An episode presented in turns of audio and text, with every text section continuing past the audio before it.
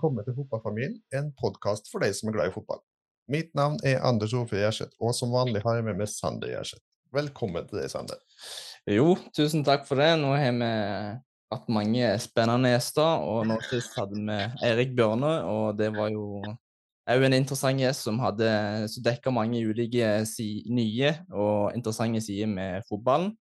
Og det er noe som har mangla litt før, og nå er vi veldig glad for at vi har fått inn eh, dagens gjest som en veldig eh, innholdsrik, eller interessant, eh, og har en veldig interessant og flott eh, karriere, og er, spiller på veldig høyt internasjonalt toppnivå.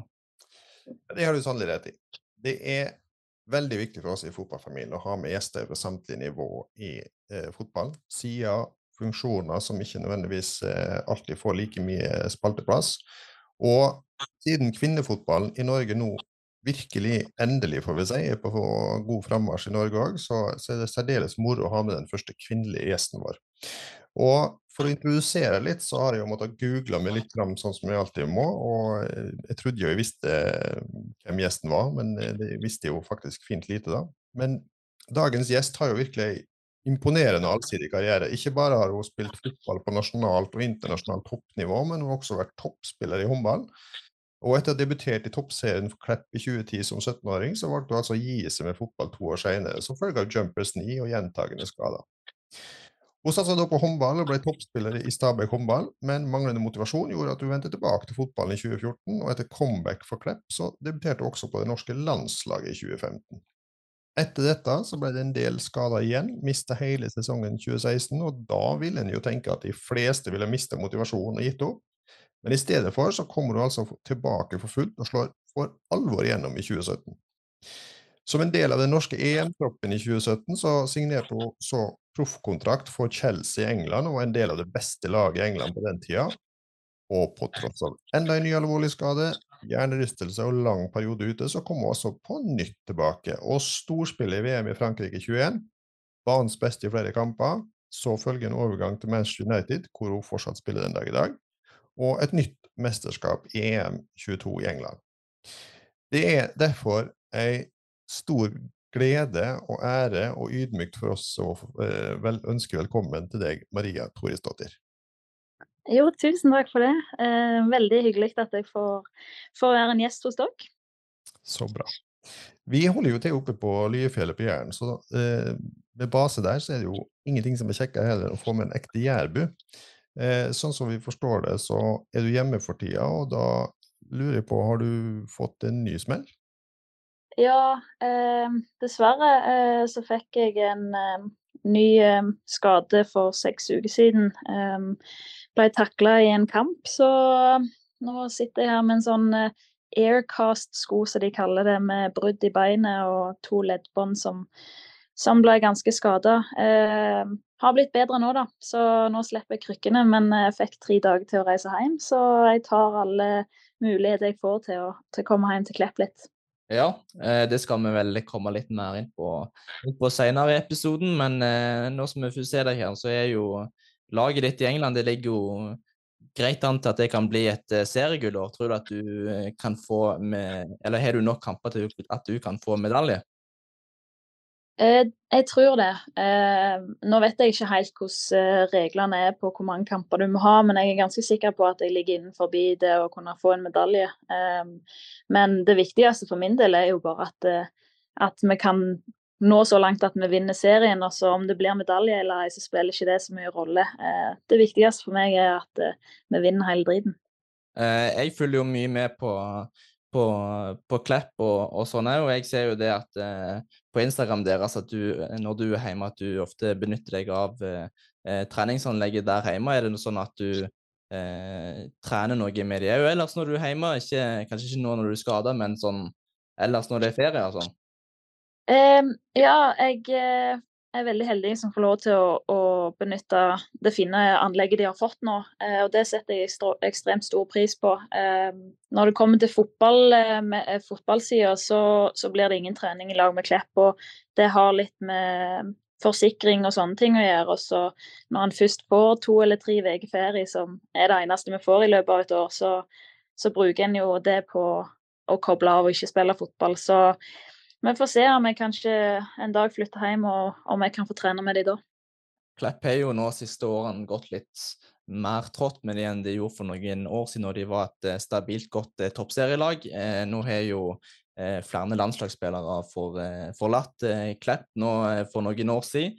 Men ser du for deg at du kan komme tilbake igjen i framtida og, og, hjelpe Klepp tilbake opp igjen til Eliteserien der det en gang var?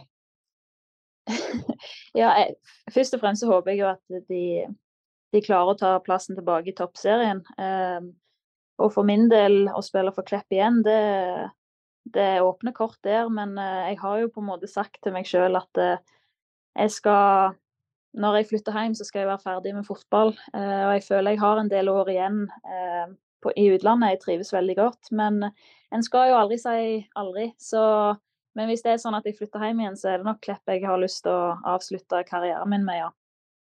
Formålet med fotballfamilien er å forsøke å komme litt under huden på å undersøke ulike mekanismer i fotballen som ikke vanligvis får så mye spalteplass eller overskrifter. Eh, stikkord som vi bruker for å si til gjestene våre hva den handler om, det er jo relasjoner, motivasjon, utvikling og læring. Eh, Selv om vi nå har sagt litt om karrieren din, Maria, så er det jo fint for de som ikke kjenner deg så godt, om du kan fortelle lytterne våre litt om deg sjøl? Ja, Det spørsmålet der syns jeg alltid er litt vanskelig. Um, men uh, jeg er vel en uh, jeg vil si en veldig positiv og, glad person. Um, liker å holde meg i aktivitet. Liker sjelden at når det ikke skjer ting. jeg er kanskje veldig sosial. Liker å bruke tida mi med venner og familie. Og så har jeg òg en hund som jeg elsker å koble av med å gå tur eh, i skog og mark. Eh, og så er jeg kanskje ikke den som eh, er sånn kjempefotballinteressert når det kommer til å ikke spille fotball, så jeg prøver egentlig å koble en del av fotballen når jeg, når jeg ikke er på trening eller spiller kamp. Eh, så ja, det er vel kanskje litt av meg. Ja. Jeg husker jo vi hadde Ørjan Nygaard i Bodø-Glimt her, eh, og han fortalte at Kjell Knutsen var så utrolig streng med spillerne sine at de fikk ikke lov til å gå i fjellet pga. at det ødela fotballfysikken. Eh, er de like strenge med det i England? Nei, det vil jeg ikke si. Der er det litt gjør det du vil, eller vær Ja, det handler vel om å være litt smart, da. Og det, det, er en jo. Altså, når en er sliten og det har vært tett og tøft program, så går en jo ikke alltid i det høyeste fjellet. Men uh, det er ofte på fridagen at en kanskje tar en litt lengre og finere tur, så lenge du føler deg fresh for det. Jeg syns at det, det, er veldig fin aktivitet å gjøre utenfor fotballen. Eh, koble av og, og, tenke på noe annet. Så jeg hadde ikke alltid hørt på han, tror jeg. Riktig. Jeg må si, det jeg setter veldig pris på på Jæren, er jo selvfølgelig strendene, som er en fantastisk rekreasjonsmulighet. Eh, ellers vil jeg jo bare eh, tipse om at de beste fjellene i Norge finner du selvfølgelig i Møre og Romsdal, sånn rent objektivt sett. Men som et stort talent i to idretter, selv om det er to ballidretter, hva var grunnen til at du valgte fotball foran håndball da, to ganger? Altså, hva er på en måte som gjorde at fotballen ble, ble viktigst? Ja, det er jo en litt sånn fram og tilbake-historie, det der. Um, jeg kombinerte jo fotball og håndball um, hele oppveksten. Um, og allerede sånn i tolv tolvårsalderen så begynte jo disse spørsmålene om hva jeg skulle velge, og det hadde jo aldri falt meg inn at jeg skulle velge en av idrettene. For jeg kunne jo absolutt ikke bli god i eh, en idrett hvis jeg eh, drev med begge deler. For det, at, eh, det tok for mye tid, så jeg måtte jo, måtte jo velge en idrett. Men eh, jeg endte jo med å kombinere begge to til jeg var 18 år, ehm, og det gikk fint. Eh, og så reiste jeg til Japan i 2012 med U20-VM fotball. Ja, så skulle en jo trodd at når en kom hjem derifra at en, en var sulten på mer, eh, og at det ga deg motivasjon, men for meg så var det motsatt. Jeg, jeg var skikkelig lei, så jeg la faktisk fotballskoene på hylla. Jeg husker jeg gikk inn til Klepp-treneren og sa at jeg, jeg orker ikke mer, jeg slutter. Um, og det føltes som en ekstremt stor lettelse. Og så fant jeg fram håndballskoene og signerte for Sola. Um, fordi at håndballen fikk Håndballen lå liksom alltid i andre rekke, og den, jeg fikk liksom aldri helt prioritert det, og hadde, hadde et ønske om å um, kunne se om det gikk an å nå langt der, da, og gi det en sånn førstepri. Um, og jeg trivdes godt. Um, spilte i Sola i et år, og så flytta jeg til Oslo i 2013 og spilte på Stabæk. Men ble lite spilletid og lite håndballtrening fordi at uh, jeg hadde en overbelastning i kneet som heter jumpers knee. Um, og de som har hatt det eller har det, vet hvor vondt det kan være. Uh, så jeg sto mest på sidelinja. Og så når det kommer til håndball, så er ofte fotball oppvarming. Uh, og jeg husker at jeg begynte i slutten av sesongen der og gleda meg mer til, til, fotballoppvarmingen enn selve håndballtreningen. Så jeg skjønte vel at det, det er kanskje fotball som er eh, det jeg ønsker. Eh, og savnet var ganske stort, så jeg flytta hjem igjen til Klepp i 2014 til sommeren. Og så husker jeg fikk en melding av eh, Jon Padl, som var eh, treneren for Klepp sitt toppserielag på det tidspunktet. og inviterte meg på ei trening, og da da var jeg solgt. Altså, ja. Så nå sitter jeg her, da. Så det har vært en, en fin reise fra den tid. Det var eh, spennende å høre. Men sånn, siden du da har bakgrunn i to ulike idrettsmiljøer, og på den måten to læringsmiljøer og utviklingsmiljøer, eh, tror du det har vært en fordel for deg? Eh, sånn med tanke på at du har jo blitt eh, ganske god og, og kommet deg ganske langt?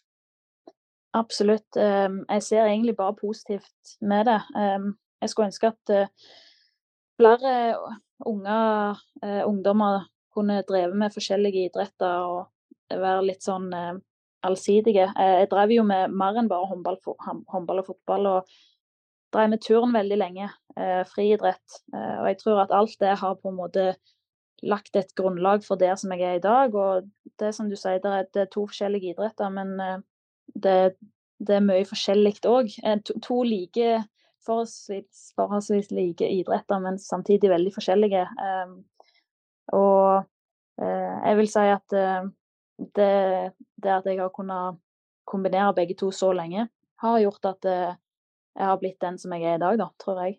Jeg, jo, jeg føler egentlig ganske ofte det at man hører at det er ganske fornu eller at det er mange idrettsutøvere som driver med mange forskjellige eh, idretter og ballsporter og sånn samtidig, og det kommer veldig positivt ut. Men eh, jeg må jo si det at jeg syns det er svært imponerende at han bare kan gå fra eh, Klepp til fotball eh, til, til Sole håndball. Jeg syns jeg er jeg synes det så respekt av det. altså Da har du bra nivå på, i begge ballsporter. Men eh, før jeg går over på mitt neste spørsmål, så er det litt som pappa var inne på. Vi er veldig eh, nysgjerrig på motivasjon, og da lurer jeg litt på hva som eh, var drivkraften i, i, deg da du var yngre, for at du ble så god som eh, du er blitt? Jeg tror for min del så har på en måte, og det, det, gjelder ennå, og jeg tror grunnen til at jeg er der som jeg er i dag, så har det alltid vært at jeg har hatt det så ekstremt kjekt med det jeg har holdt på med. Um, og det var litt av grunnen til at jeg slutta med, med, fotball i 2012, at jeg, jeg, jeg, hadde det ikke kjekt. Og da presterte jeg ikke heller. Um, så for min del så har det egentlig handla om å leke seg til der som jeg er i dag. Og det høres jo veldig Det høres jo rart ut at en kan leke seg til å, å bli en profesjonell fotballspiller. Og så skal det jo sies, jeg har jo, jeg har jo hatt et talent, og det har jo ligget i meg, men for min del så, så har det å, gitt, det å mot, bli motivert har egentlig bare handla om at så lenge jeg har det kjekt med det jeg holder på med, så har alltid motivasjonen vært der. Uh, og det er det ennå. Er det sånn at du, når du var mindre, at du hadde en drøm om å eh, leve av fotball, du, om å leve av fotball, eller for så vidt håndball, da? Nei, egentlig ikke. Og jeg tror når jeg var mindre, da, så var det jo ikke de her store mulighetene som er nå. At eh, de, de små, eller den yngre generasjonen som er nå, de har jo en lys framtid i forhold til det. Um, det er større hva skal jeg si, det, Du ser at det går an å drømme, du ser at det er muligheter. Men når vi var små, så så, så du jo ikke det. Um, og for min del så har jeg aldri jeg, Det er kanskje det som er forskjellen fra meg til mange andre. da, At jeg har aldri vært den som skulle bli best, og jeg har aldri vært den som skulle bli proff, eller jeg skulle Ja. Um, jeg har egentlig bare tatt dag for dag og egentlig bare lekt meg Jeg har bare lekt meg til der jeg er i dag, og det høres jo veldig rart ut. Um, men når det, når det er sagt, så har jeg jo egentlig alltid sagt at jeg skulle alltid spille i Klepp. Jeg skulle aldri flytte. Um, men så kom det jo en dag der jeg fikk uh, tilbud fra Chelsea og Arsenal. Um, og når du begynte å kjenne på smaken og fikk reise og se hvordan det faktisk så ut i utlandet, så skjønte du jo at her er det ting som skjer som du har lyst til å være med på. og da følte jeg meg klar til å forlate redet hjemme på Klepp. Og jeg angrer ikke et sekund. For at denne reisen har vært fantastisk. Eh, det er egentlig kanskje ikke så rart eh, når du bruker det ordet med å, å leke til ting. Da. Eh, jeg tror kanskje det har litt med hva slags eh, ord en velger å bruke, men, men, det som slår meg, er jo at du beskriver at du har hatt den der indre drivkraften, altså, altså det lysten og, og, og si, leiken eh, opp til å bli best mulig, eh, har kommet innenfra. yes. Det er det vi kaller indre motivasjon. Det er det som er ordet. Eh, jeg vil si det har absolutt en ekstremt sterk indre motivasjon. Ehm, og det har, eh, det har vært eh, drivkraften min. Ehm, så absolutt. Så ja, du har rett i det. Ja, det er naturlig det på en måte også, i forlengelsen av det stille et spørsmål knyttet til det med skadehistorikken. fordi du, du Det er jo uten tvil at du er av de som er mest uheldige med, med tøffe skader i viktige faser av karrieren med så mange trøkk og alvorlige skadeutfordringer, så må jeg jo spørre hva er grunnen til at du ikke har gitt opp underveis? Det er ikke sikkert det er en enkel grunn, men du kan si litt om hva som gjør at du stadig vekk kommer tilbake og presterer så godt som du gjør? da? Ja, eh, jeg stiller meg det spørsmålet sjøl noen ganger. og Jeg har vært veldig uheldig. Og så har det ikke vært sånne skader som på en måte jeg kan forebygge Altså, jeg har vært ekstremt flink på skadeforebygging og, og sånne ting, men de skadene jeg har fått, er mer sånne akutte som har skjedd i situasjoner jeg ikke kan eh, håndtere. Altså sånne kampsituasjoner, da, der ting bare skjer, eh, som hjernerystelse og brudd i fot og eh, leddbånd. Altså eh, Så det har, det har, vært noen trøkker, det har vært eh, mange humper i veien. Eh, men så, så er, har det liksom forma meg til den personen jeg er. Og jeg prøver å, å se eh, de positive sidene med å være skada. En skulle ikke trodd at det var det, men det er jo det jeg har klart å lære meg til å gjøre. Da, å bruke skadeperiodene til noe positivt. Um, det er jo en perfekt anledning til å bygge opp kroppen til å bli sterkere eh, til den dagen du kommer tilbake igjen. Eh, og hvis du skal sitte og synes synd på deg sjøl, så blir det iallfall ikke noe kjekt. Eh, så jeg vil si at jeg har blitt eh, ekstremt sterk av disse her skadeperiodene, og det har liksom gjort uh, muligheten til å bli bedre på andre ting. Um, så det har blitt en del av meg, det der å ha noen sånne skadeavbrekk, og det er jo en del av game òg. Uh, så har kanskje jeg vært litt mer utsatt enn hva det burde vært normalt, men jeg sitter nå her, og det har jo gått godt. Uh, så det er vel kanskje det som er grunnen til at jeg fortsetter òg. Nå fikk jeg jo en ny smell nå for seks uker siden, og en skulle jo trodd at en kanskje kasta inn håndkleet der og da, for det var en ekstremt dårlig timing. Det passer jo aldri å bli skada, eh, men jeg må si at den skaden som kom nå, den passet veldig dårlig. Eh, og du blir jo litt sånn Hvorfor gidder jeg dette? Eh, mm. Nå går jeg glipp av den mest spennende sesongslutten som har vært i den engelske ligaen noen gang. Eh, jeg går glipp av VM, som kunne vært mitt tredje mesterskap eller mitt tredje VM. Ehm, men nå, skjer, nå, har det skjedd, og en må bare legge det bak seg og så gjøre seg klar til en ny sesong. Jeg har full forståelse for det. Og så tenker jeg at det, det, her er jo gullfin eh, læring for veldig mange unge utøvere som forhåpentligvis kanskje eh, orker å høre på denne poden òg. Fordi det har noe med Du, du beskriver egentlig at du, du forme en identitet som følge av motgang. Eh, og det heter jo, selv om det på en måte er kanskje litt sånn lett å si det, motgang gjør det jo sterkere. Eh, men, men, det avhenger jo av at du tar det litt sånn som du beskriver, da. At du, du, du ikke legger ned og syns synd i deg sjøl. Må lov å ha litt empati med seg sjøl når akkurat det skjer, men, men, men, eh, sånn ellers så tenker jeg at det, det er jo fantastisk identitetsdannelse, det egentlig du beskriver.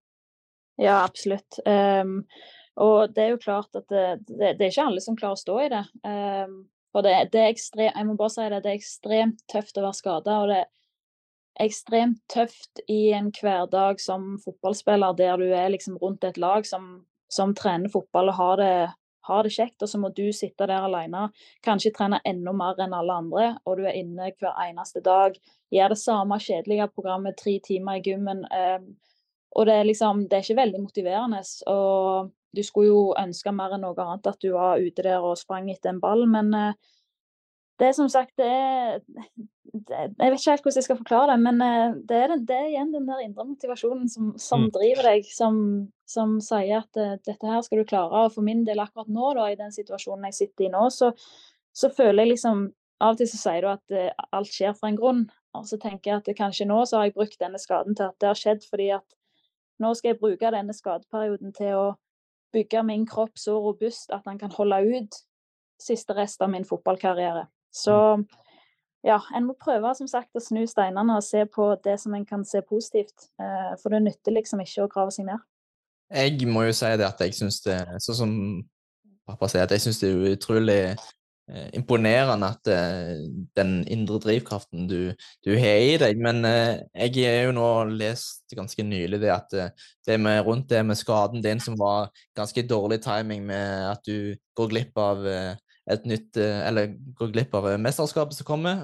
og da leste jeg jo det at du sier det at du er blitt skada før, men, og du har kommet sterkere tilbake, så da er, liksom, da er det ingen grunn til at du eh, ikke skal komme tilbake sterkere enn en før igjen, som du, som du, sa. Og det syns jo jeg eh, kanskje er et litt voldsomt eh, uttrykk, men jeg syns jo det minner meg nesten litt om et eh, mentalitetsmonster, hvis det går an å si.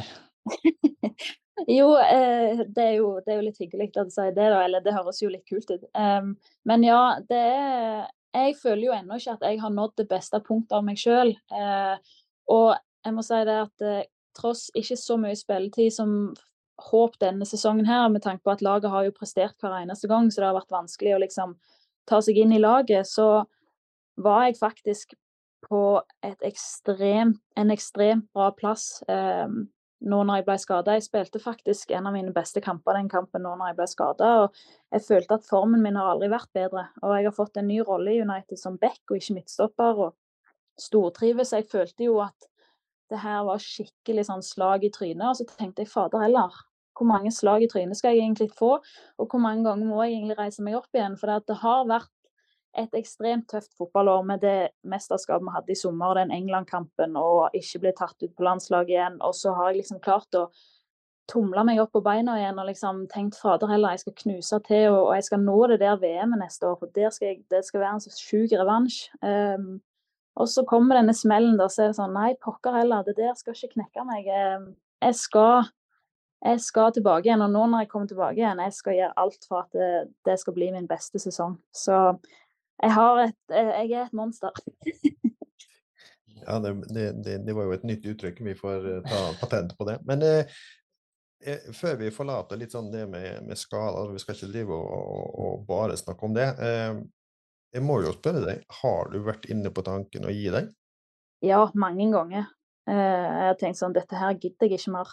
Ehm, og det, det er ikke bare med skader heller. Det handler litt om det der altså, å være en profesjonell fotballspiller. Det er ikke en det er ikke liv, et, Hva sier du? Nå er jeg litt dårlig i norsk for øyeblikket, men en dans på roser. Mm. Eh, det er jo mange som tror at det er et fantastisk liv. Du spiller bare fotball og får penger av å springe etter en ball, men det er så mye mer mm. bak som folk ikke ser. og Det er ikke bare skadeperioder, men det er mye annet som har gjort at jeg har tenkt hvorfor i all verden gidder jeg dette? Um, men så elsker du det jo. Um, så det er jo det som gjør at du fortsetter ja, det er vel litt sånn som i fotballen som alle andre arbeidsforhold. Du, du, kan like det du gjør, men uh, det er mye monotoni i, i, rundt det som ikke alltid er like gøy. Men, men hvis vi beveger oss litt videre, uh, hvis jeg sier ordet relasjoner til deg, hva tenker du på da? ja, relasjoner. Um, det er jo noe det er jo noe du skaper mellom personer du er involvert med, holdt jeg på å si. Um, en har jo relasjoner til mange folk, og ulike relasjoner. Så uh, når en for min del, og i forhold til det å spille i et lag, um, så vil jeg jo si at der er det viktig å ha gode relasjoner til lagvenninnene dine og til trenerteamet. Både på og utenfor banen. Så ja, det er jo noe du skaper mellom mellom personer, da, vil jeg si. Mm. Men hvor, hvor, viktig er de personlige relasjonene dine for at du skal kunne yte maks og prestere, opprettholde motivasjonen som vi har snakket om, osv.? Hvem er de viktigste relasjonene i livet ditt? Um, jeg vil jo si, altså sånn For min del så handler det jo om det å ha gode relasjoner til de jeg spiller på lag med. Um, og jeg må, si, jeg må, faktisk si det at det, det, miljøet og de relasjonene jeg har til det laget jeg spiller på nå i United, uh, er helt fantastisk. Vi er en fantastisk gjeng som Jeg har faktisk aldri opplevd å være i et lag der alle liker alle. Um, og vi har skikkelig gode relasjoner både på og utenfor banen, og jeg tror det har liksom vært med og gjort at vi er der som vi er nå, at vi faktisk er på førsteplass og kjemper i toppen. Um, og jo bedre relasjoner du har, um, både på og utenfor banen, jo bedre Jo mer stoler du på folk, og jo mer kan du liksom sette krav. og så handler det jo òg det med relasjoner i forhold til familie og venner. og jeg har jo må jo si at jeg har foreldre som har vært viktige støttespillere og relasjon til, og, og, og vennene mine òg. Så ja, det er et litt vanskelig spørsmål, så jeg vet ikke helt om jeg traff, men eh, ja. Jeg syns du treffer ganske bra. Jeg, jeg må jo stille deg dette spørsmålet, jeg går ikke an å unngå det i løpet av et hel eh, samtale med deg. Men du sier jo foreldrene dine, og jeg tror de aller fleste tror jeg, som vi har snakket med, er jo veldig opptatt av det der med eh, familie som støtter backer. Og nå er det jo ikke noen hemmelighet eh, akkurat at eh, pappaen din er en ganske eh, hva skal vi si, merittert topptrener, han òg. Mm. Hvor stor betydning har, har, det hatt for din karriere, tenker du? Eh, klart, både han og mor har vært ekstremt viktige for min del. Ikke fordi at de har pusha meg, og ikke fordi at de har bestemt hvor jeg skal gå. Eh, tvert om, faktisk. De har eh, vært mor og far. Latt meg få ta mine valg. Jeg har jo en litt annerledes vei enn mange andre. og de har egentlig støtta meg langs veien konstant. Eh, alltid vært der hvis jeg trenger, men de har aldri blandt seg inn. Eh, og det, det, det, ser jeg masse av nå som jeg syns er så trist. At det er så mange foreldre som, som kanskje ikke nådde sin drøm, da, som prøver å få de gjennom ungene sine og pushe de til å, mm. til å ta en vei de kanskje ikke vil sjøl. Og det syns jeg det irriterer meg litt. Eh, og har opplevd det så mange ganger. og der kjenner jeg at jeg er ekstremt takknemlig som har hatt foreldre som har respektert mine valg og latt meg få velge den veien jeg ønsker å gå sjøl. Eh, utfordrer meg der. Og så er det jo klart at eh, hvis jeg trenger tips og råd, så spør jeg pappi, og da, da kommer han med gode tips. Og sammen med mor, egentlig. De er to forskjellige personer, men de har mye mm. erfaring begge to. Mm. Ja, og bare sånn litt på tampen der, fordi eh, jeg vet ikke om jeg har lest eller hørt det, men det er iallfall ikke mitt eget, eh, det her. Men jeg har jo òg vært opptatt av det du sier med foreldre som kanskje blir litt sånn i overkant ivrige, enten fordi at de har drømt om noe sjøl og prøver å få det gjennom ungene sine, men også kanskje misforstår sin egen rolle litt. Men det som jeg har oppfatta, er jo at de som har foreldre som enten har vært toppidrettsutøvere sjøl, eller er en del av toppleddet sitt miljø, er ofte de som er kanskje litt flinkere da, til å ligge litt sånn i bakgrunnen eh, i forhold til de lagene som barna er en del av. Er det noe som du har eh, deler oppfatning av? Ja, jeg kan kjenne meg litt igjen der, men samtidig så har jeg òg opplevd motsatt. At det er foreldre som, som, tror at de vet den rette veien. Um, som òg har vært i, innenfor idrett. Um, men uh, jeg, jeg syns det er så viktig at uh, unger i dag skal få lov, til å ta egne valg. Og jeg skjønner jo at foreldre blir frista når du ser disse her summene som er i fotball. F.eks. da ta fotball som et eksempel. At de kanskje har en drøm om at åh, jeg vil at sønnen min eller datteren min skal, skal bli proff, og det, da kan vi leve av det, liksom. Um, så jeg syns det er veldig trist. Um, og jeg tror at det er mange som kunne faktisk nådd langt hvis de hadde hatt foreldre som hadde bare holdt seg vekke uh, og latt ungen få lov til å å velge sjøl. Ehm, så ja. Mer av foreldre som, som står litt på sida og bare er foreldre, faktisk. Um, jeg eh, kom på et spørsmål nå ganske spontant, med det at uh, du sier jo hvem som har vært eh, viktige støttespillere for deg, men du sier òg at hunden din har vært eller er viktig for deg. Så er det òg noe som kan være ja, en faktor til, til trivsel og, og, motivasjon i litt tunge perioder og sånn, eller? Han er, skal si det, det, han er faktisk den viktigste støttespilleren jeg har. Um, han fikk jeg uh, Jeg har jo hatt lignende skade som jeg har nå, som jeg fikk i, i 2015, um, som var karrieretruende. For da hadde jeg ikke så godt medisinsk team rundt meg som jeg har nå. Uh, og da var jeg ute i to år uh, og trodde at jeg aldri skulle få spille fotball igjen. Um, og da fikk jeg Theo som valp, og jeg husker at det, han var faktisk redningen min som fikk meg ut. Um, ut og, og tok, uh, kunne tenke på andre ting enn fotball.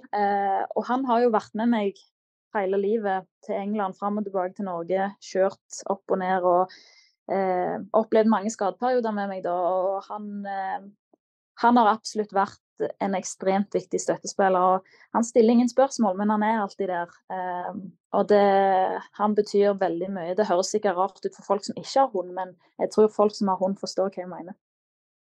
Ja, jeg kan jo se den. Det er vel eh, sånn stort sett med, med alle at det er alltid godt å ha et, eh, et dyr, uansett hvordan dyr det egentlig skulle ha vært. Men eh, litt over til, til, neste spørsmål. Hvor stor rolle tror du at de trenerne du, er, du har hatt, har hatt for din framgang og, og, utvikling opp gjennom årene? Og er det noen du syns har betydd litt ekstra mye for deg til å komme til der du er den dag i dag? Ja, nå har jeg hatt jeg har ikke hatt sånn sjukt mange trenere, men eh, jeg har faktisk lyst til å trekke fram to stykker som jeg hadde når jeg var, unge, eh, når jeg var liten. Um, som jeg syns har vært ekstremt viktige for meg. eh, som er Frode Grøtland og Tor Fosse. Um, Frode hadde jeg på når jeg var på jentelaget, som var på min alder, som var trener. Um, han, så, han, så, talentet mitt uh, og skjønte fort at uh, jeg hadde ingenting å gjøre der hvis jeg skulle bli bedre. Så han eh, hjalp meg fram til Tor Fosse, og han trente da guttelag på min alder. Eh, og jeg fikk lov å tre... Eh, eller jeg spilte med guttene, da. Eh, og det, det, er jeg veldig takknemlig for, og det gjorde at jeg utvikla meg veldig mye. Eh, jeg syns det er kjempebra at eh, jenter kan trene med gutter, det er en god trening.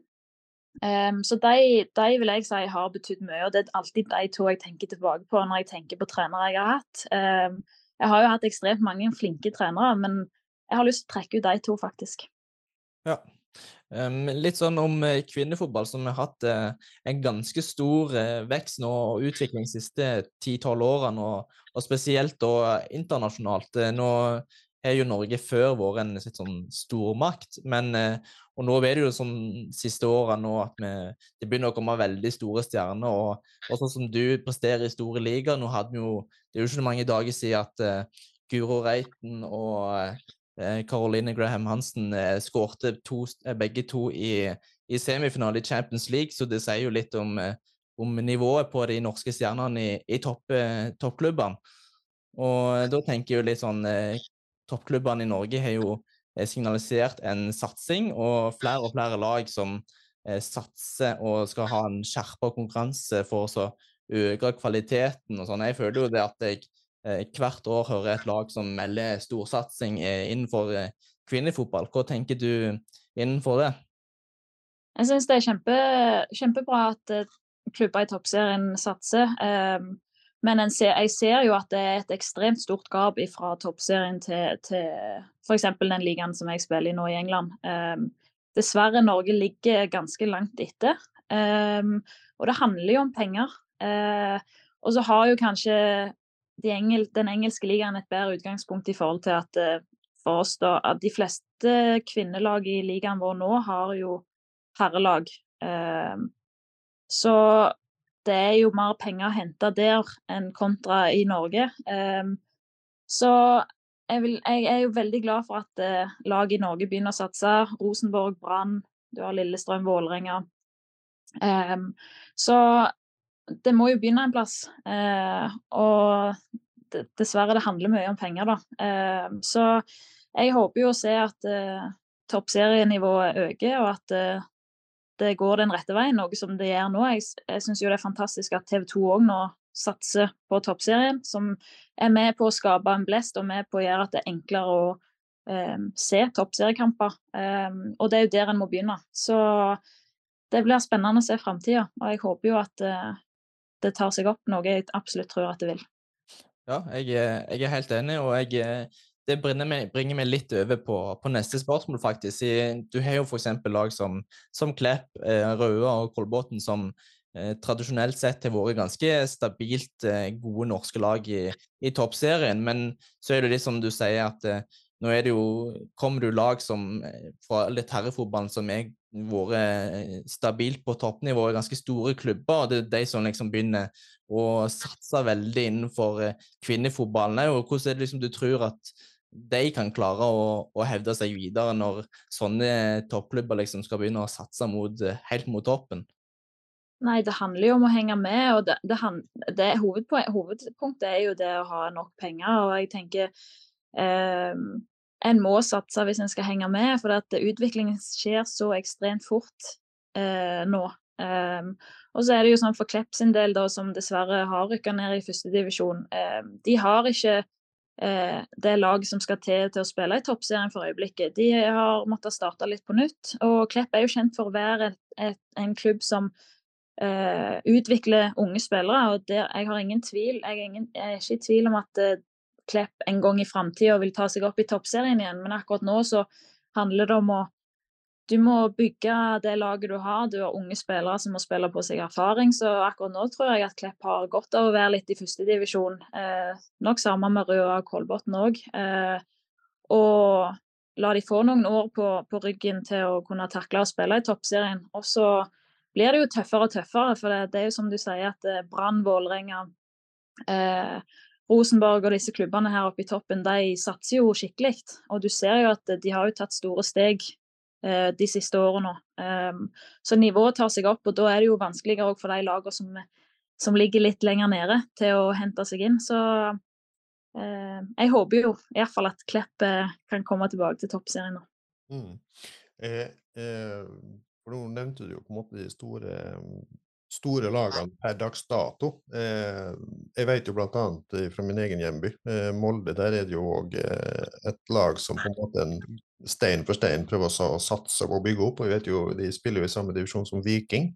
Viking er jo en lokal storklubb. jeg vet jo Bryne òg på en måte snakker om å satse. så jeg husker når jeg tilbake i 2012, 2013 og 2014 så jobbet jeg jo i Klepp eh, og var tett på kommunen der. Da følte jo jeg når jeg var der at kommunen backa Klepp veldig opp, og som du sier, penger er viktig i fotball.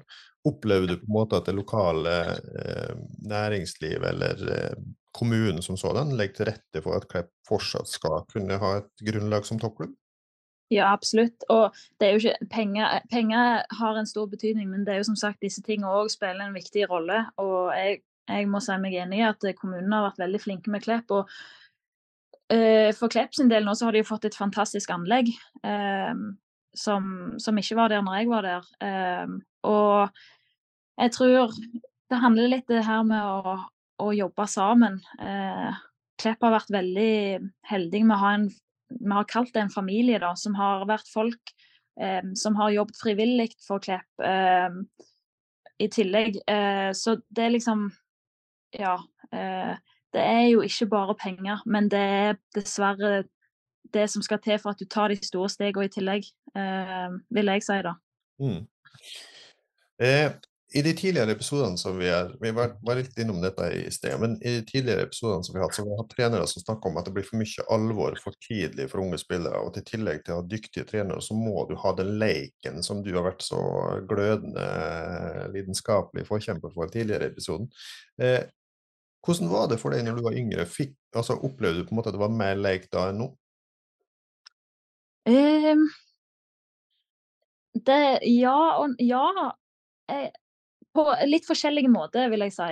Um, for det, nå, er det jo, nå, er det jo, veldig seriøst, men samtidig så er det jo veldig lek òg for min del. Uh, men når jeg var mindre, så, så handla det bare om lek for meg. Og da, Jeg husker jo f.eks. når jeg ble uh, ringt uh, for første gang fra en landslagstrener som ringte meg. Jeg satt og spiste fredagstaco med familien, og så ringer Roar Wold og sier um, vil du komme på landslagssamling, for vi har fått et forfall. Og jeg bare ja, det er fint, det. Eh, og så la jeg på, og så spurte mor og pappi eh, eh, hvem var det. Så sa jeg nei, det var Roar. Han lurte på om jeg ville være med på landslagssamling. Og så husker jeg mor og pappi var litt sånn OK, det burde jo være sånn at du burde hoppe i taket, liksom. Men jeg ikke, jeg, visste nesten ikke hva det var. Eh, men for meg var det sånn ja, jeg er med på alt. Eh, eh, og har bare vært sånn der Jeg vet ikke, jeg vet ikke helt hvordan jeg skal forklare det, men jeg har bare tatt så det kommer, og syns alt har vært kjekt. Og ja. Mm. Uh, men, men, tenker du da på en måte kanskje det at det blir, blir for lite leik for de unge spillerne i dag? Blir, blir for mye organisert for tidlig?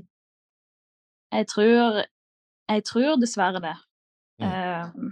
det satses jo så langt ned. Altså å se Um, I klubben vår for eksempel, så er det jo um, uh, De har jo gutter nede i seksårsalderen som liksom spiller for United, som har kontrakter. Uh, de signerer babyer som nesten ikke er født, liksom, som de tror skal bli profesjonelle fotballspillere. Det er ekstremt innen fotballverden, syns jeg, da. Um, for jeg syns det er viktig at unger skal få lov å leke seg, for det blir så fort seriøst mm. uansett. Uh, for min del så jeg fikk kanskje oppleve én cup, to cuper. Eh, og det er jo noe som er ekstremt kjekt når du er liten, å oppleve disse fotballcupene som du reiser med laget ditt. Eh, spiller mot lag som du ikke pleier, eh, spille mot, møte nye folk. Eh, mens for min del så ble det jo seriøst når jeg var 14 år allerede og ble tatt opp til Kleps i dag-lag. Eh, og da, er det ikke den samme leken, selv om det er en lek, men det, det, det betyr mye mer. Eh, så jeg syns jo at det er viktig eh, at unger kan få leke seg litt, litt lenger enn det det er nå, da. Mm. Eh, jeg må jo innrømme, jeg gikk forbi eh, et uh, jentelag, altså jeg tror kanskje det var et juniorlag, under oppvarming. Og det er utrolig gøy å se hvor utrolig stor intensitet det har blitt. Det er jo ikke tvil om at jentefotballen har tatt utrolig store steg. Og så tenker jeg, det var, det var, jo litt sånn, Du beskriver jo gode trenere. Jeg tror mange jenter kan kjenne seg igjen i det at de kanskje ikke har hatt de beste trenerne alltid. Eh, tror du at du kunne ha eh, hatt en enda bedre utviklingsstig, eller kanskje til og med sluppet unna noen alvorlige skader, hvis du hadde hatt enda mer spesiell, altså, tilrettelagt trening før, eller tenker du at det, det ikke gjelder for deg? for min del så vil jeg si at jeg har vært veldig heldig som vokste opp i en klubb som Klepp, som var i toppserien, og som på en måte var en av de mest profesjonelle klubbene du kunne mm. få i Norge eh, på den tida. Um, så for min del vil jeg si at der har jeg vært heldig, og så har jeg kanskje ikke vært så smart i forhold til Jeg skulle ønske, når jeg tenker tilbake, at det var flere som satte ned foten. For det var jo perioder der jeg gikk fra håndballtrening til fotballtrening samme dag. Jeg spilte en mm. fotballkamp og en håndballkamp samme dag. Det ble ekstremt mye. Jeg begynte på videregående. Jeg gikk idrett. Jeg hadde flere økter til dagen på idrett. Kom hjem, skulle på fotballtrening, eventuelt håndballtrening etterpå. Altså, det er ikke løye jeg fikk jumpers ni, og at det ble overbelastning og, og, sånne ting. Så akkurat der så skulle jeg nok ønske at eh, jeg hadde litt folk som kunne sette ned foten og guide meg i rett retning i forhold til hva mengde belastning jeg, jeg kunne tålt. Um, og det her med medisinsk team Du hadde jo kanskje en fysioterapeut i Klepp som var der en gang i uka, f.eks. Mm. Um, mens kontra nå så er det jo Vi har jo et medisinsk team som består av tre fysioer, en lege og en massør. og du har tilgang 24-7, eh, og når du får en skade som nå, da, så, så er du rett på MR-bilder, rett på røntgen og rett på om du skal operere, du skal se den beste spesialisten. Så Mm. Det er forskjell, og jeg tror at de som vokser opp nå, eh, har bedre, eh, et bedre utgangspunkt eh, enn hva vi hadde når vi var mindre. Eh, mm. Men ja. ja. Og så eh, må jeg òg kommentere, nå sa jo døpte jo Sander deg her i sted til et mentalitetsmonster. Jeg skal bare følge opp den. Altså, er det noe som du har vært bevisst på, eller vært klar over hvor stor Eh, betydning det mentale har for å kunne lykkes og eh, opprettholde motivasjon? Jeg tror jeg, jeg, vil jo si at det er nok noe jeg alltid har Jeg tror nok jeg alltid har vært ganske sterk mentalt. Jeg, ehm, eh, men så har jeg kanskje ikke vært helt bevisst på det før nå i, i seinere tid, når jeg har blitt litt eldre. Um, for jeg, hvis jeg ser tilbake liksom F.eks. hvis jeg spilte med guttene, da, ehm, så opplevde jeg jo flere ganger at når vi skulle spille kamp, så ble jeg jo pekt på og ledd av fra motstanderlag. liksom, ha-ha, de har ei jente på laget. Og jeg tenker det er mange som kanskje ikke hadde tålt det, og hadde tatt seg ned av det og, og krympa sammen og ikke ville ha spilt. Men jeg husker for min del så kunne jeg ikke brydd meg mindre. Jeg tenkte bare sånn Jeg skal bare vise deg, jeg.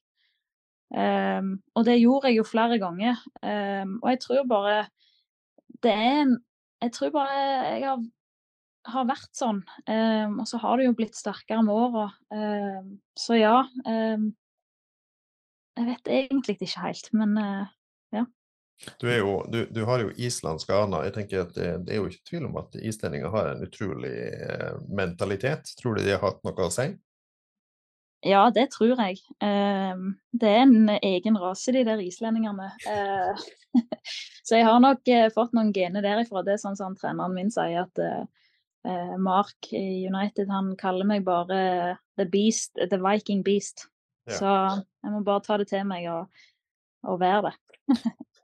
Litt sånn angående det med at du sier det med at du har vært og spilt med guttefotball og folkeleder deg. Eh, jeg har altså blitt eh, mista plassen av, eh, av ei jente som eh, den dag i dag faktisk spiller i, i toppserien, så det er en ærlig sak, det, da, men eh, vi skal komme inn med den. Ja, nei, det jeg, jeg, må jo si det er jo kjekt å høre, da, men så er det jo Ja. Hun var, ikke så kjekt. drivende dyktig. Ja, så bra. Ja, eh, vi hadde jo på en måte både eh, som sagt, Ørjan Nygaard og Erik Mæland her før. De har vært opptatt av ord som trygghet og tillit mellom trener og spillere, og mellom trenere og støtteapparat. Eh, hvor viktig har det vært for deg, og på hva slags måte tenker du?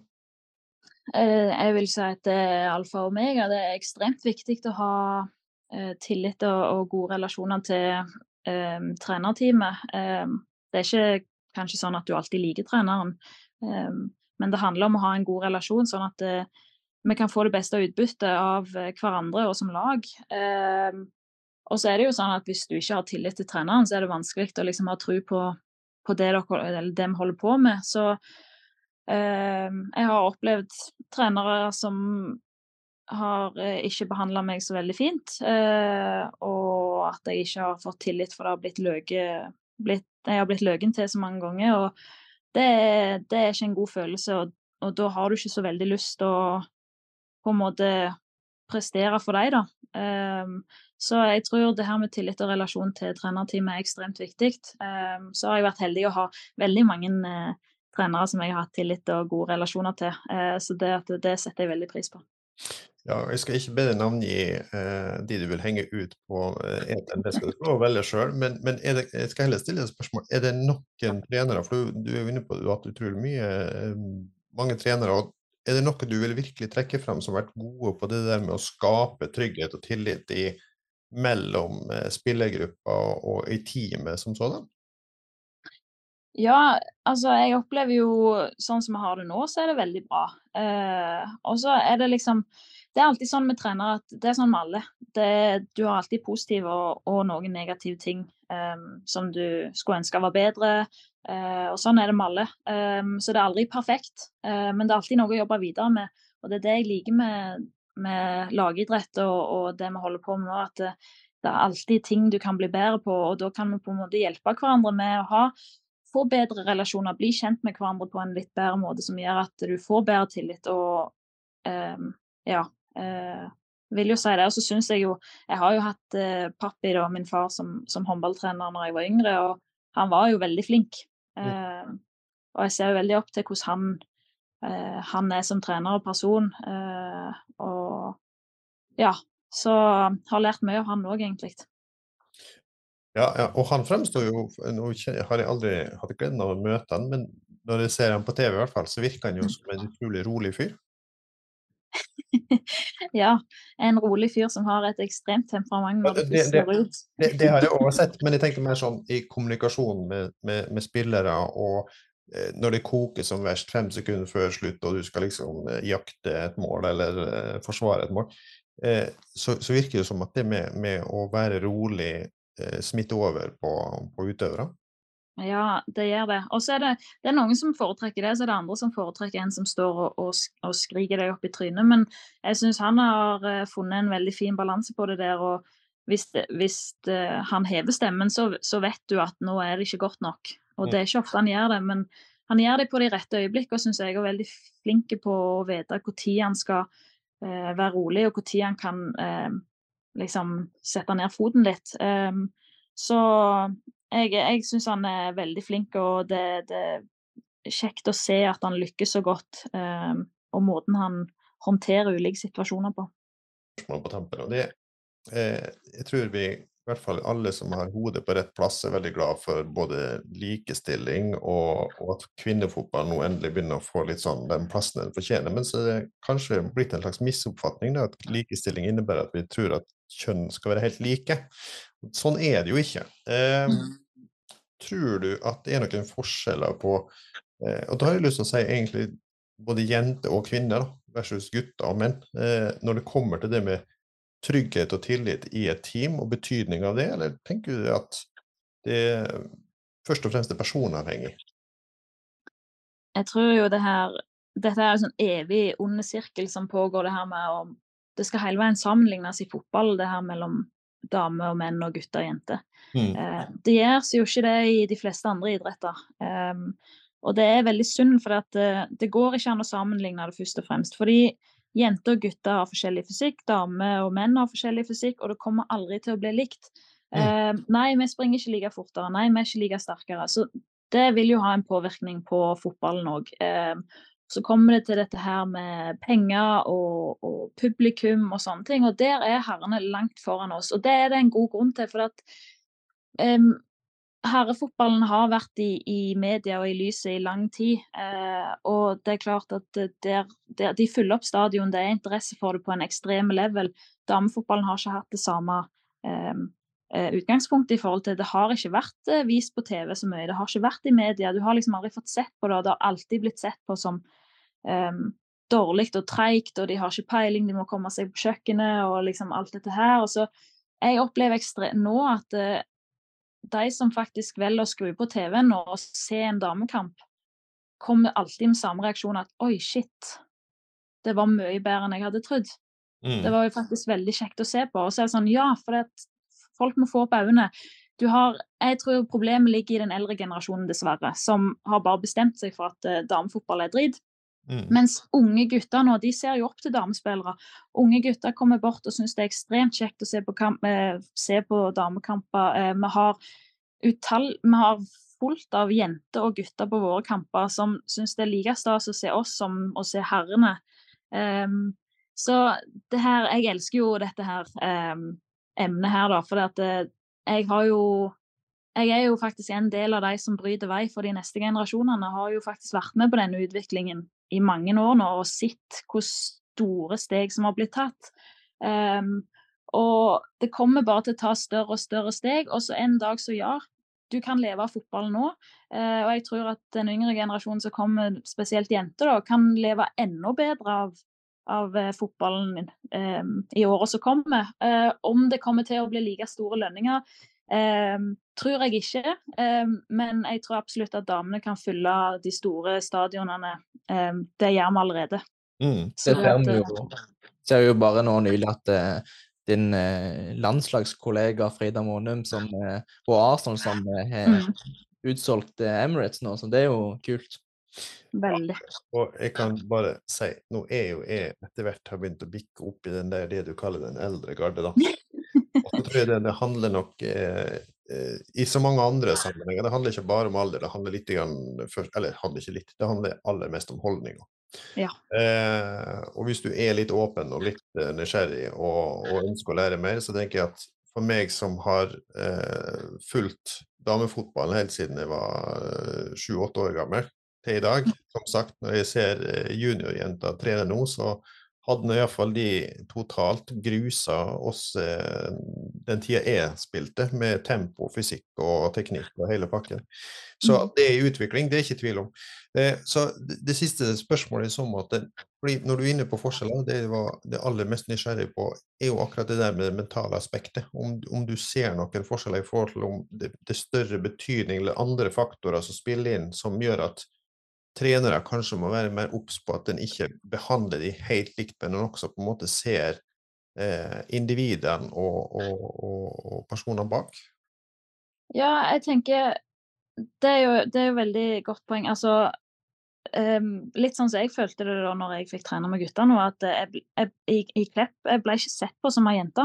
Jeg ble sett som en del av laget. Jeg, om jeg hadde langt hår og, og, og var jente eh, kontra de som hadde kort hår og var gutter, så det spilte ingen rolle, det. For eh, jeg, var, jeg, var, god nok, eh, og de respekterte det. Og jeg ble behandla som en helt vanlig person. Og jeg tror det er så viktig å ikke drive og bruke kjønn hele veien. At det skal skilles mellom jenter og gutter. Se på personen, se på hvilke kvaliteter han har. Hva kan du hjelpe denne med? Hvordan kan du utvikle denne personen?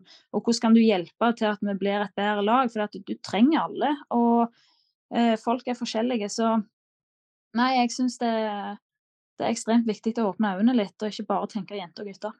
Mm. Jeg må jo si det er jo Håndballjentene har jo alltid vært i en særstilling i det norske folks hjerter, så det er jo bare å håpe at eh, kanskje folk etter hvert skjønner det at eh, fotballjentene òg er, er, er, er, viktige på en måte å ta til sitt eh, hjerte.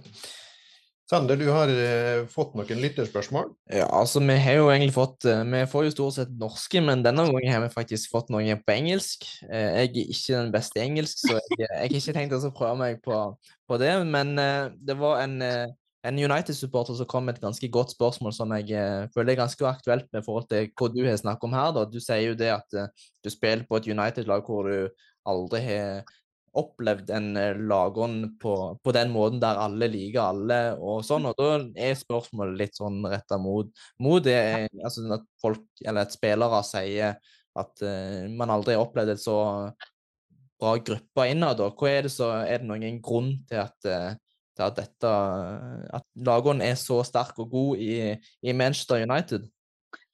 Jeg tror det handler om først og fremst hvilke spillere du bringer inn i et lag. Eh, og der syns jeg Mark har vært veldig flink å bringe inn Han bringer ikke bare inn folk med fotballkvaliteter, men han bringer inn folk som både har gode verdier som personer òg, og han har satt sammen ei gruppe. Vi var en veldig god gruppe før han kom òg, og så har han bringt inn flere spillere. Og det er spillere som er veldig Jeg syns vi er en gjeng som unner hverandre det beste. Vi har lyst alle skal bli best mulig. Eh, det er en ekstremt sånn støttende giv i gruppa.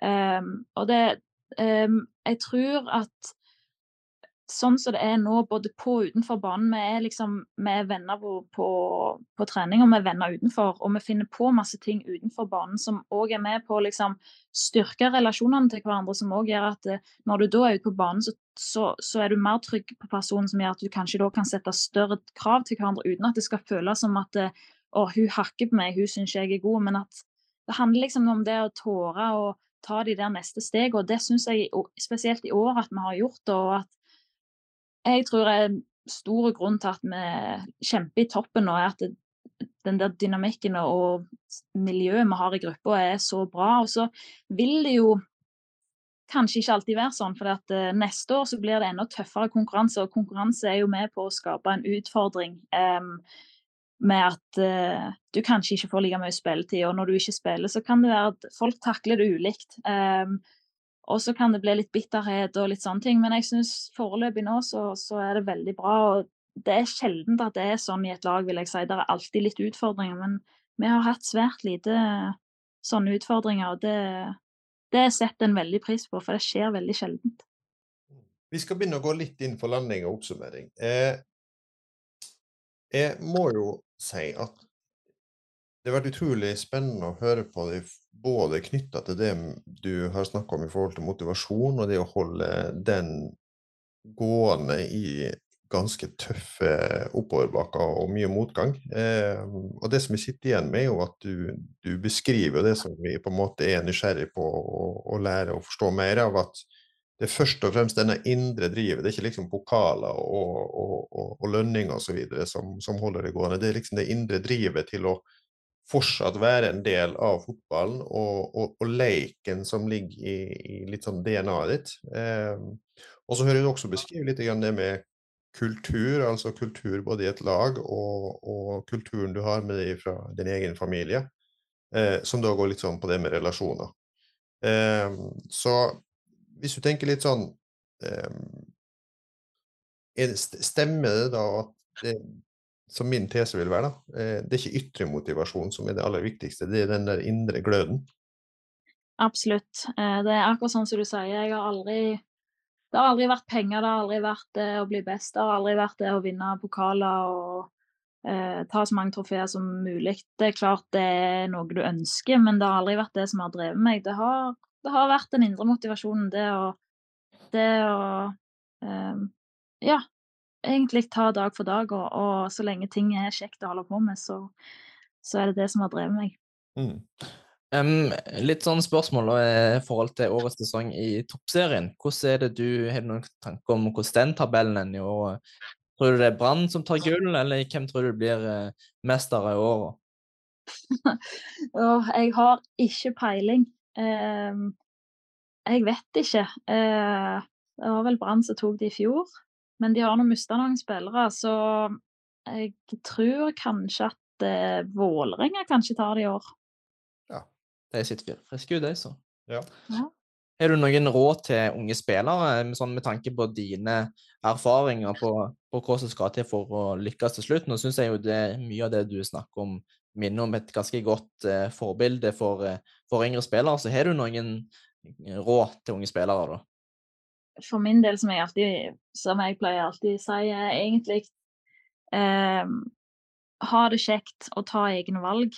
Eh, men tren godt eh, stå på, og så vil det alltid komme Det vil aldri være en strak vei til toppen. Det kommer alltid noen humper på veien. Så da gjelder det bare å, å stå i det. Eh, og ja, nyte det faktisk. For det, det, det, er ikke så lenge du kan holde på med fotball før plutselig så har du blitt litt gammel. ja, det kan jeg bare si. Det skjer plutselig. Ja. Eh, vi har et standardspørsmål til slutt. Eh, hvordan har det vært, med, vært, å være med i denne podden eh, vår?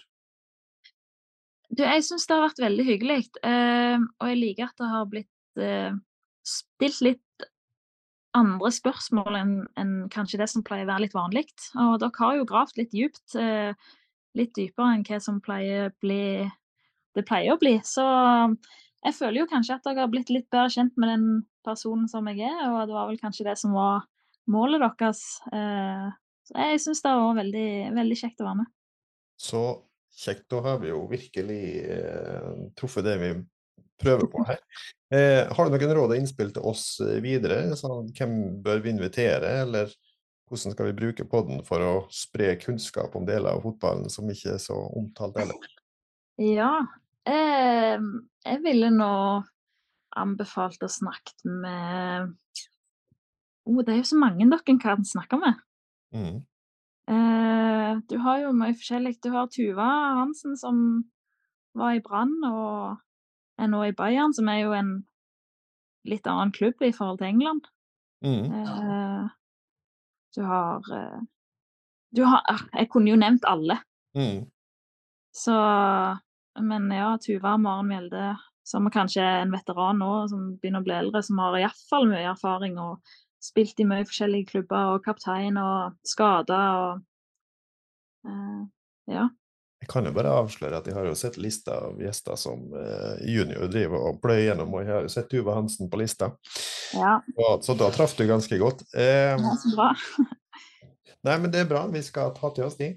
Ja, vi må vel avslutte med det å takke eh, deg, Maria, for at du, du var med oss. Og jeg syns det har vært veldig kjekt og, og lærerikt og veldig interessant. Og jeg veldig, setter veldig stor pris på det at eh, du tok deg tid til å være med oss. Så jeg håper jo det at eh, du, som du sier, at du skal komme sterkere tilbake enn noen gang, som du var inne på, og at du kommer tilbake igjen i United og, og på landslaget så, så raskt som mulig. Jo, takk. Jeg setter veldig stor pris på det. Så nok en gang veldig kjekt å få være med. Det er good. Så da eh, er det jo de vanlige ordene som vi sier på slutten. Eh, ja, gjerne følg dere på de diverse sosiale mediene som vi er på, og, og abonner på oss der du hører på podkast, så, så, kommer det varsling på uh, hvor tid det er en ny episode som kommer ut. Det er riktig. Fortsett gjerne også send inn forslag til gjester og spørsmål. Del episodene gjerne med andre bekjente, og vi setter pris på alt engasjement. Da avslutter jeg med å igjen si hjertelig tusen takk til Maria for at hun var med. Vi sier takk for følget denne gangen. Vi høres.